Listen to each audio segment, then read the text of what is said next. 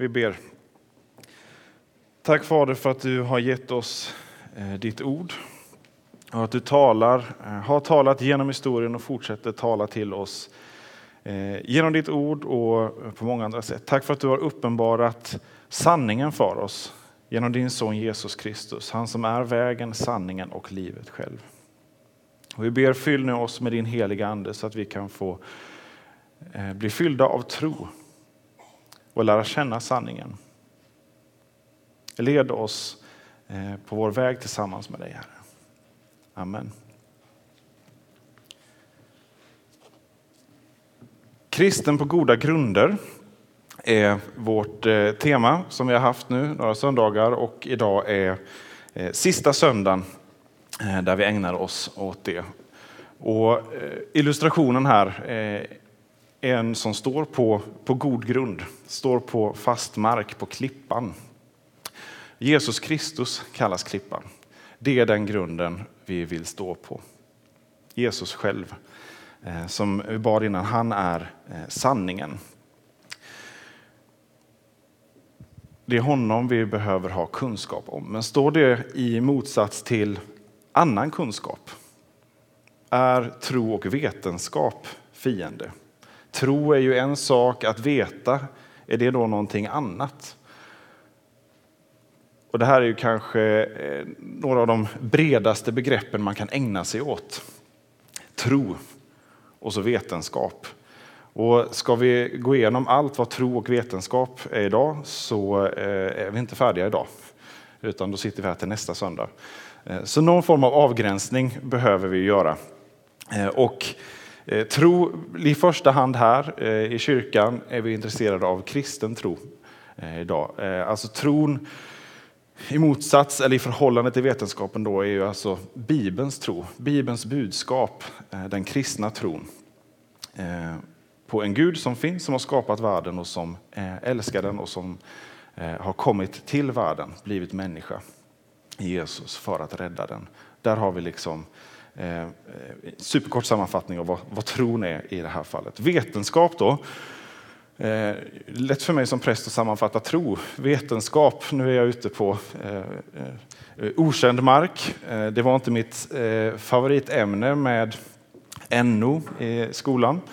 Eh, men jag tänker någonstans där ändå avgränsningen till naturvetenskap. Eh, och vetenskap, det som vi förknippar med vetenskap utifrån upplysningsarvet kan vi säga, det som fick ett uppsving under 1700-talet och de eh, disciplinerna som har eh, utvecklats sedan dess. Eh, och det som då oftast har ställts just i motsatsförhållande till kristen tro. Eh, och stämmer då det? Är tro och vetenskap fiender? Eh, och eh, här är då den korta sammanfattningen. Nej, Eh, så det är det ni behöver komma ihåg. Eh, och nu följer liksom en, eh, en utveckling av det nejet. Varför, varför finns den här föreställningen om att tro och vetenskap skulle vara fiender? Det finns en, ibland en föreställning om att gudstro är, syftet med gudstro är att förklara eh, hur, hur världen blev till. Eh, och så har man behövt religion och tro i allmänhet eh, för det. Och det här synsättet eh, kallas God of Gaps, alltså kunskapsluckornas Gud. En Gud som fyller i det vi inte riktigt förstår i, i, vår tillvaro, varför vi är här, hur vi är, vi är här och så. Och så kommer vetenskapen och ger oss många svar på vägen. Eh, om eh, hur saker fungerar. Att det finns eh, atomer, massa grundämnen, inte bara luft, vatten, eld och jord. Och när kunskapen växer, ja, då behövs ju kanske inte Gud längre.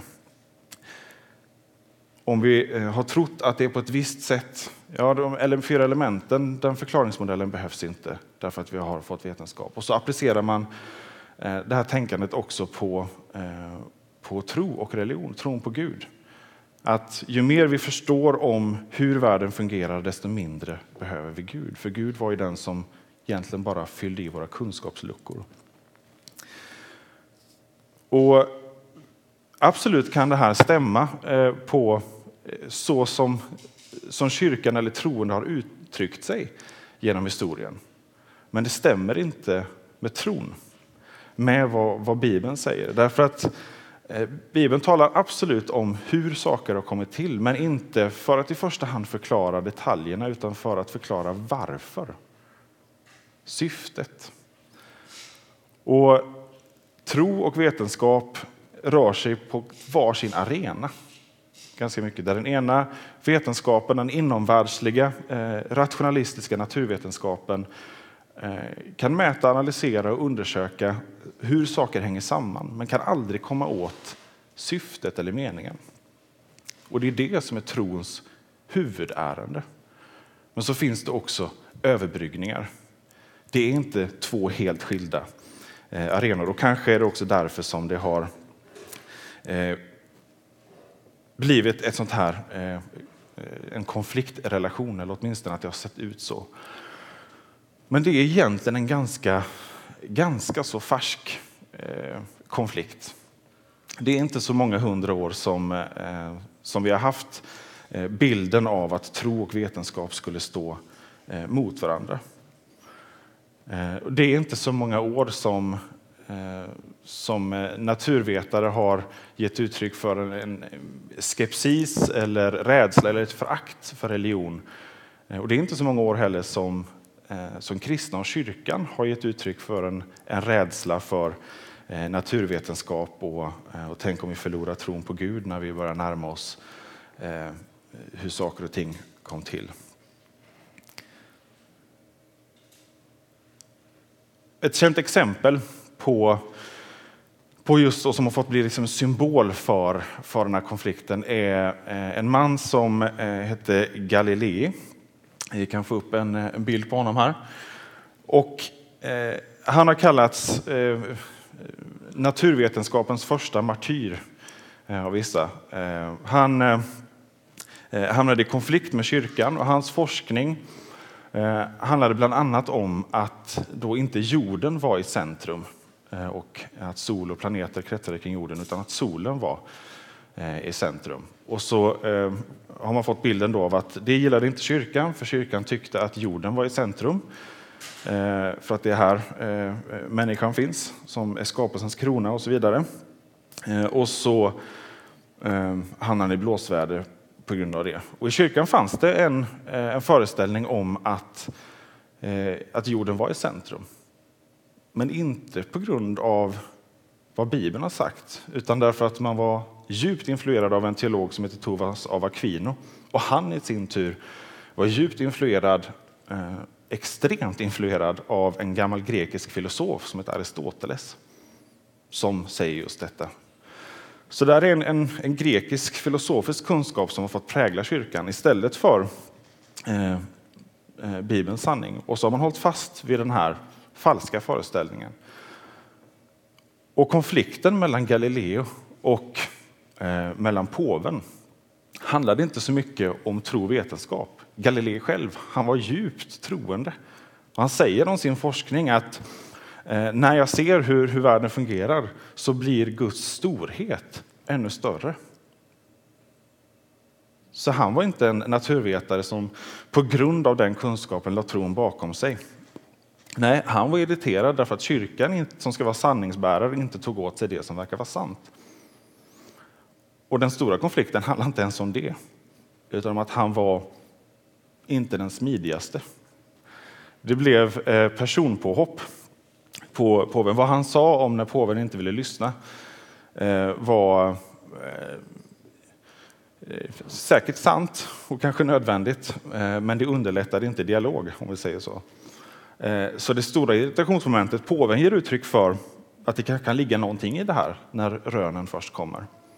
Men sen när debatten blir hetsk, då låser sig det eh, och så blir det den här hårda konflikten istället. Och så har det fått bli bilden för konflikten mellan tro och vetenskap. När det egentligen inte var det som, eh, som konflikten handlade om eller som gjorde den så allvarlig. Men det här är, vi lever lite med 1700-talets och upplysningstidens bild av hur det var några hundra år tidigare. Vi färgas också av den mörka medeltiden talar man om. Medeltiden var en enorm tid av utveckling. Eh, inte alls så mörk som eh, upplysningsmännen ville få det till, för man ville sätta fram sin egen period, sin egna upptäckande i så stort ljus. Så när vi konfronteras med, med sanningen och med kunskap och vetenskap, om det är sant så finns det inget hot mot tron. Därför att tron, tron är sanning, sysslar med sanningen. Men om vi lever med bilden av att tro och vetenskap är fiender, då får vi en situation där vi är rädda för att eh, där kristna blir rädda för att närma sig naturvetenskap och naturvetare eh, blir rädda för att närma sig tro, för man tror att det här står, Ehm, står emot varandra. Och vi ska läsa eh, ett, eh, en av eh, salmerna i Bibeln som eh, på ett väldigt poetiskt sätt ger uttryck för, för det här.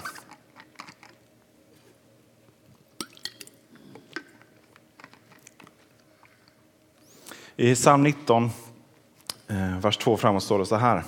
Himlen förkunnar Guds härlighet. Himlavalvet vittnar om hans verk. Dag talar till dag därom och natt undervisar natt. Det är inte tal, det är inte ljud, deras röster kan inte höras, men över hela jorden når de ut, till världens ände deras ord. Skapelsen berättar om Gud. Det finns inget, eh, inget hot för den troende att undersöka skapelsen. Tvärtom så är det så att i skapelsen så lär vi känna Gud. Det är inte farligt att undersöka skapelsen med alla de medel och, verktyg som vi har tillgängliga. Eh, och faktum är att vi, eh, det är vår kallelse som människor. I Första Mosebok kapitel 1 och vers 8 eh, Precis när Gud har skapat människan säger han var fruktsamma och föröka er, uppfyll jorden och lägg den under er. Härska över havets fiskar och himlens fåglar och över alla djur som myllrar på jorden. Lägg den under er, härska över den, eh, ha koll på den, råd över den, ta hand om den. Och det förutsätter ju att vi också förstår den. Och lite längre fram i kapitel 2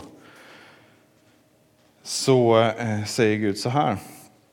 Eh, formar, eh, precis, så formade Herren Gud av jord alla markens djur och alla himlens fåglar och förde dem fram till mannen för att se vad han skulle kalla dem. Varje levande varelse fick det namn som mannen gav dem. Mannen gav namn åt all boskap, alla himlens fåglar och alla vilda djur. Där har vi Carl von Linné, den första av dem.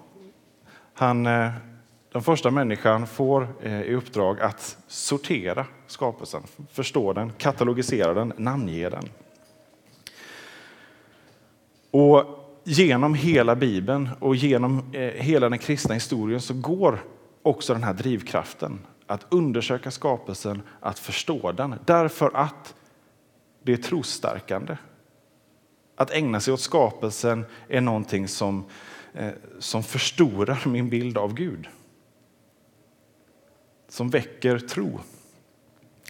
Eh, och genom eh, kyrkans historia så är det just kyrkan i västvärlden som blir ledande inom forskning, naturvetenskap. Det är kyrkan som grundar universiteten och skolorna, som eh, eh forskar inom medicin, bygger sjukhus.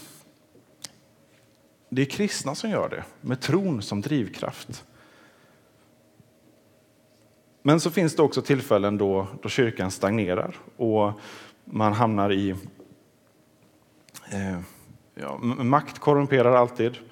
Eh, man kan fastna i former och traditioner. Eh, och eh, när man stöter på någon som säger något, eh, eh något som inte stämmer med vad man själv tänker så har man två val. Antingen så blir man nyfiken eller så blir man rädd. Eh, ibland har kristna då blivit rädda. Eh, och när upplysningstiden kommer och Eh, kritiken mot kyrkan blir hårdare än vad man är van vid så är det som att, att tro och vetenskap börjar gå skilda vägar. Från att ha varit tätt sammanflätade Många av de här stora eh, naturvetarna som, som la grunden för upplysningen var varmt kristna. Newton, Kepler. Men sen så är det som att, eh, att kyrkan tror på upplysningsmännens bild eh, av kyrkan. Till viss del också sann kanske. Man var inte beredd på att ta till sig ny kunskap, särskilt inte om vetenskapsmännen inte var kristna. Vad vet de?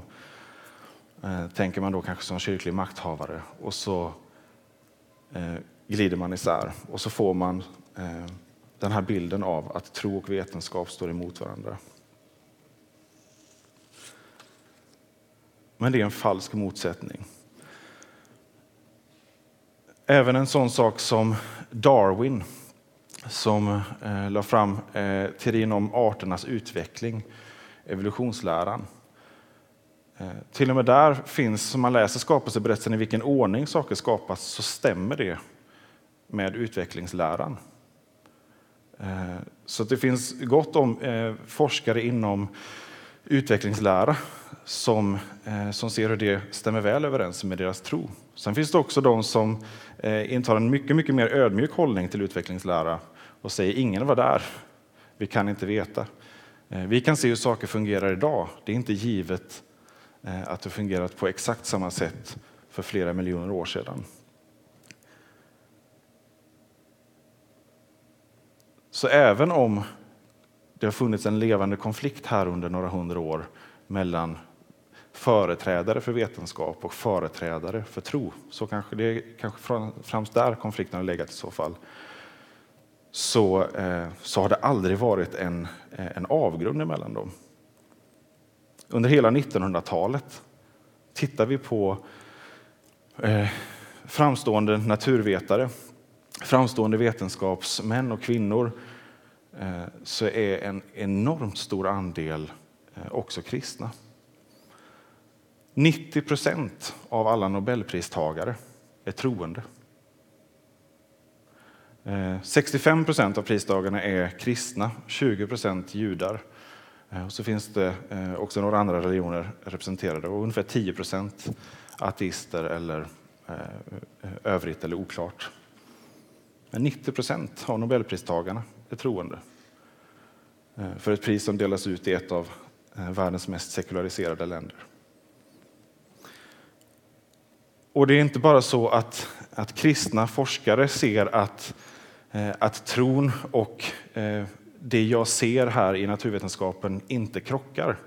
Utan det är också så att eh, det finns gott om forskare som har varit ateister utifrån just den här föreställningen att att tro är orimligt utifrån ett rationellt förhållningssätt till, till världen. Men eh, där man faktiskt fått överge sin ateistiska övertygelse och blivit kristen.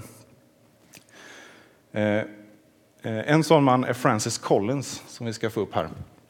Som eh, var chef under en tag för Human Genome Project, som ett jättestort internationellt projekt som kartlade människans genstruktur, alltså DNA och sådär ett, ett enormt projekt, erkänt.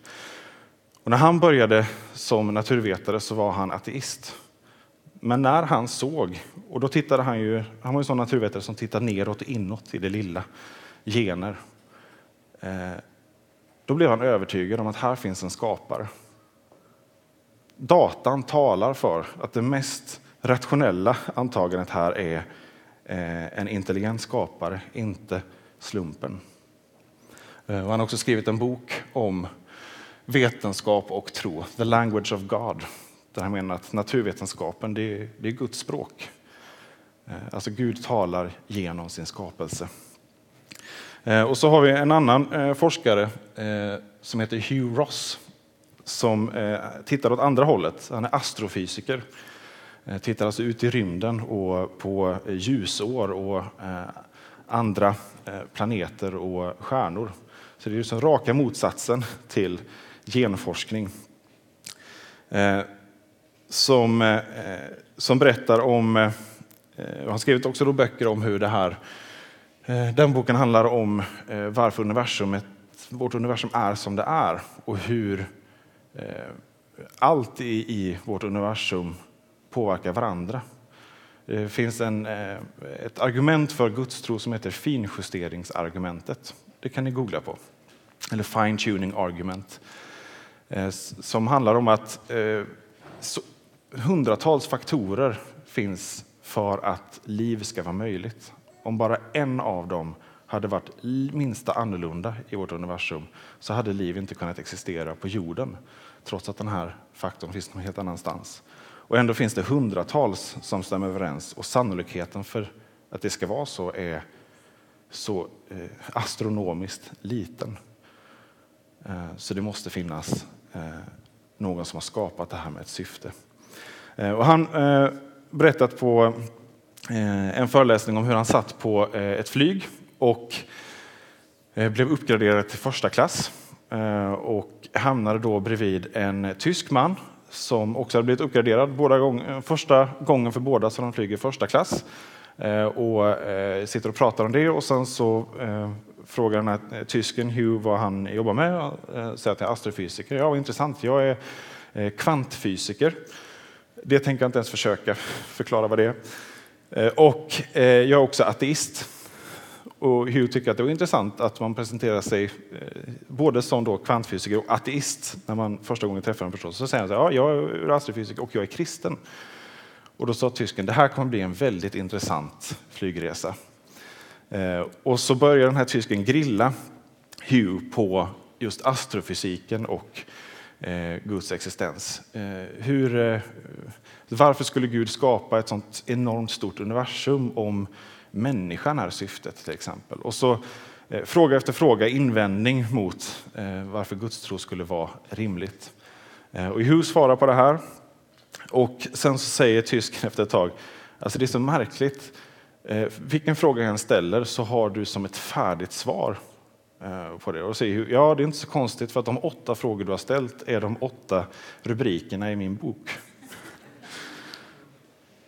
Eh, och så säger den här tyska, den vill jag verkligen läsa. Eh, ja, jag har den med dig, du kan få den här. Och när de går av planet så säger den här eh, tyske ateistiska kvantfysikern att sannolikheten för att eh, vi skulle hamna bredvid varandra på den här eh, Eh, flyget är, eh, och så ger han en siffra som då är enormt låg. Kvantfysiker räknar mycket på sannolikhet, så mycket vet jag i alla fall. Eh, det här fanns någon tanke med. Och så såddes ett frö hos den här tyska ateisten utifrån det mötet. Och det kanske var första gången som han mötte någon som en troende som kunde ge svar som matchade hans eh, intellekt och, eh, och intelligens. Kanske första gången som någon inte eh, backade. För nu, och nu sitter jag här och eh, står här och, och, och, gissar. Det var inget som Hugh sa, men kanske är det första gången som, eh, som det är någon som inte backar för aggressiva invändningar. För att man har på fötterna och vet att tro och vetenskap absolut inte står i konflikt. Och jag tror att det är så för, för oss människor att för de flesta av oss så hamnar vi bara i en, en uppfattning om världen, en ståndpunkt. Vare sig det är en religiös ståndpunkt eller filosofisk eller vad det än är, så formas vi av vår omgivning och våra förutsättningar och så är vi i den. Och det är inte så ofta vi utmanas i den. Kroppen behöver vi träna för att musklerna ska må bra, men det är samma sak med, med vår övertygelse. Den behöver liksom lite tuggmotstånd för att den ska hålla eh, över tid. Och om vi inte tränar på det, eh, om vi inte tillåter oss eh, att pröva vår tro så kommer vi till slut också bli rädda för att pröva den. Och vi kommer att uppleva det som att frågor och invändningar blir ett hot mot vår tro. Eh, kanske för att man också upplever att eh, det är ett, ett, eh, en konfliktsituation som råder. Och samma sak för, eh, för dig som är ateist. att du har en bild av att religiösa är bara galningar som, som föraktar vetenskap och rationellt tänkande. Och så vill du inte ens närma dig oss. Men gör det. Därför att det finns ingenting att vara rädd för när vi söker sanningen. Eh, I Johannes evangeliet eh, kapitel 8, 31 och framåt säger Jesus eh, så här. Om ni förblir i mitt ord är ni verkligen mina lärjungar. Ni ska lära känna sanningen och sanningen ska göra er fria.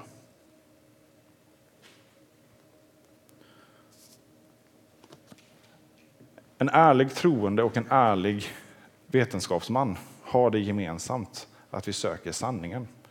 Och då finns det, då finns det absolut ingen konflikt eh, emellan, utan söker vi sanningen så kommer vi, eh, om vi ärligt gör det, så kommer vi också eh, få möta den, men också vara beredda på att vi kanske måste ändra på vissa av våra föreställningar. Kanske så måste jag vidga mina vyer. Men det finns eh, alla skäl att, att ägna sig åt det. Att inte vara rädd varken för vetenskap eller för tron. Och jag skulle också vilja uppmuntra ännu fler kristna att eh, ge sig in i det som jag inte orkade eh, på högstadiet. Nu tycker jag det är jätteroligt att få ägna mig åt lite, åtminstone populärvetenskapligt, både matematik och, eh, och fysik, åtminstone i Youtube-form. Någonting som jag inte kunde drömma om på högstadiet. Men därför att det finns någonting så otroligt vackert i hur den här världen hänger samman. Och det får eh, bara sitt syfte när vi får trons förklaring till det. Vi kan förstå hur mycket som helst. Men syftet och meningen och att landa eh, som människa mitt i den här skapelsen gör sig bara när vi också närmar oss en tro på skaparen. Och I sista bibelordet här ska jag läsa från första Petrusbrevet kapitel 3. Eh, där Petrus skriver till de kristna. Herren Kristus ska ni hålla helig i era hjärtan. Var alltid beredda att svara var och en som kräver besked om ert hopp. Men gör det ödmjukt och respektfullt i medvetande om er goda sak så att de som talar illa om ert fromma liv i Kristus får skämmas för sitt förtal.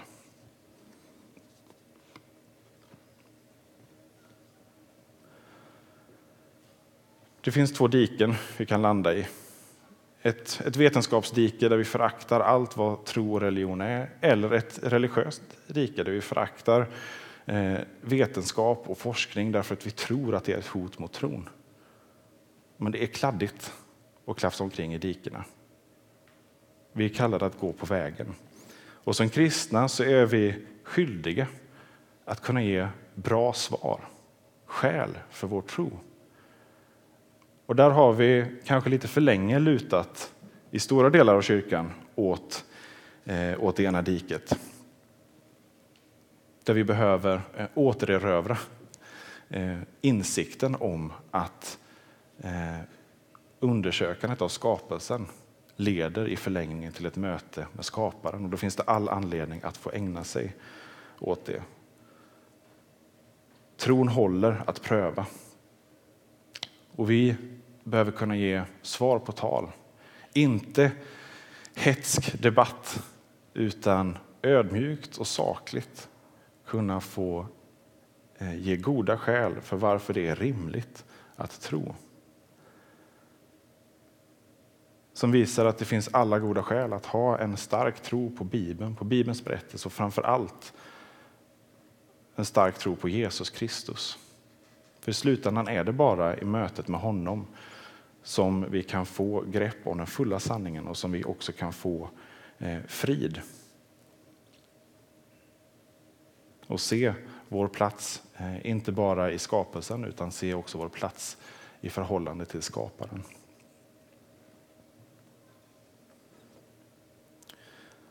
Vi ber. Tack Jesus för Eh, att du vill uppenbara mer och mer av eh, sanning för oss. Jag ber att vi ska få, eh, få längta efter mer kunskap om dig och om hela vår värld. Och jag ber ge oss, ge oss styrkan också att använda all den samlade kunskap vi har till att också förändra den här världen till det bättre.